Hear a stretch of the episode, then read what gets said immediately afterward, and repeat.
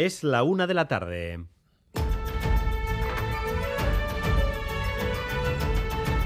Crónica de Euskadi con Dani Álvarez. A Rachaldeón, el Congreso aprueba la nueva ley de vivienda con los votos del PSOE, Unidas Podemos, Esquerra y Euskal Herria Bildu.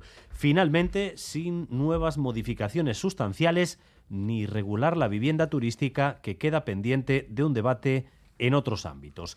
La pugna entre quienes votan que sí y los que votan que no está sobre todo en el ámbito competencial, como ya han escuchado ustedes en los días previos. Euskal Herria Bildu y Esquerra niegan que esta ley invada competencias, pero el PNV, que votará no junto a Junts y el PDK, insiste en que sí. Matute versus Barandiarán. Vamos a apoyar esta ley porque se garantiza el respeto a las competencias de las comunidades autónomas y de los ayuntamientos en materia de vivienda. Y lo dejaremos claro. Creemos que este texto no es un texto centralizador, sino que es un texto habilitante. Esta ley se extralimita en sus competencias e invade las de las comunidades autónomas. Repito, se extralimita en sus facultades e invade las competencias de las comunidades autónomas. Hay conflictos relacionados con la vivienda en las que no vemos clara la muga entre eh, quién y quién no tiene la razón. Por ejemplo, en casos de ocupación. En Euskadi ahora mismo tenemos al menos tres situaciones conflictivas por ocupación de vivienda. Mutriku y Santurci, con ocupaciones por parte de personas conflictivas, y Sestao. Esta tarde hay una concentración de apoyo a una mujer que quiere vender su piso para poder pagar su residencia, pero no puede porque el inquilino se niega a abandonar la casa. Natalia Díaz. Sí, tenemos tres casos ahora mismo que nos explican. Llevamos días hablando de los tres ocupas del narcopiso de Santurchi que fueron desalojados el martes. Hoy hemos confirmado que ayer intentaron volver al piso que habían ocupado previamente y del que se les echó por el empuje de los vecinos. Muy cerca en Sestao, los vecinos se van a concentrar a las 7 frente a otra vivienda cuya propietaria de 83 años necesita vender para pagarse la residencia. Hace más de un año se extinguió el contrato, llevan 10 meses sin pagar y no quieren irse. Loli Andrés es familiar suyo. Es que siento vergüenza ajena, no puedo entender que una persona con 83 años se tenga que ver en estas circunstancias, me parece alucinante. Que acuda todo el mundo que pueda, lo único que nos queda es hacer presión. Euskal Herria Bildu no esconde su preocupación porque el PSE esté expresando dudas en torno a la ley de educación. Pello Chandiano acusa a Eneco Andueza de llevar el debate al fango que el PS o no sabe lo que dice o no dice toda la verdad. Yo creo que tiene otro tipo de intereses de por medio. Y el interés es tratar de llevar este debate a un planteamiento enfangado político en donde se reproducen esquemas del pasado. Y hoy también se aprueban dos normas que buscan ampliar las garantías que tenemos como consumidores. Una en el Parlamento Vasco, otra en el Congreso, ambas con el objetivo que dejen de marearnos. Me dice que marque un número si es para una gestión o para otra, marco ese número, me atienden y me dice cuatro opciones más, de esas cuatro opciones cojo una, vuelvo a recibir cinco o seis opciones, al final de todas no sé cuál es la primera. A la tarde, a la noche, a cualquier hora llaman. Si quieres en euskera, marca tal. Una vez le dije yo a uno, ¿eres persona o eres máquina? La ley de atención al cliente garantiza desde ahora una, espera máxima de tres minutos, atención presencial y por tanto nada de robots y sarobaza.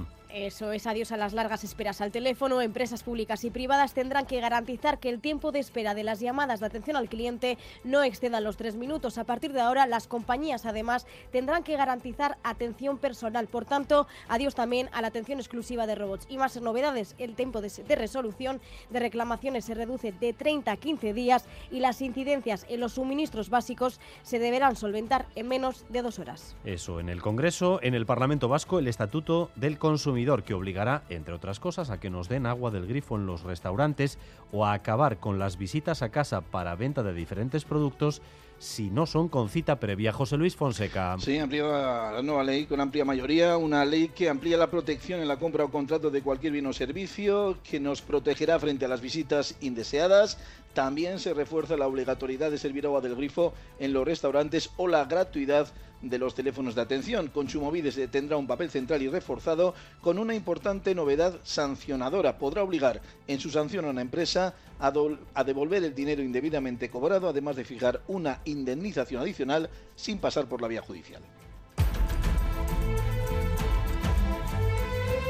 Y luego está esta visita adelantada del verano. Uno de los pocos refugios que tenemos está aquí en el norte del país, aunque ahora mismo el sol está pegando fuerte, Ander López Lerena. Sí, no es para menos porque ahora mismo tenemos cielos prácticamente despejados en la mayoría de los puntos del país, pero hoy la atención, Dani, está puesta a la temperatura. Ahora mismo en Bilbao la sensación es completamente veraniega, gente manga corta y pantalón corto, y es que no es para menos. Los termómetros marcan ahora mismo 26 grados en la capital vizcaína. En la costa la brisa ha rebajado algo los termómetros, tenemos 23 y 21 grados respectivamente en lugares como Bayona y Donostia. En Araba y en el sur de Navarra es otro el panorama. La previsión habla de valores cercanos a los 30 grados de cara a esta tarde en lugares como La Guardia o Tudela. Eso, aquí, pero ahora mismo, Ander, el sur de España y Portugal se cuecen con temperaturas entre los 30 y los 40 grados.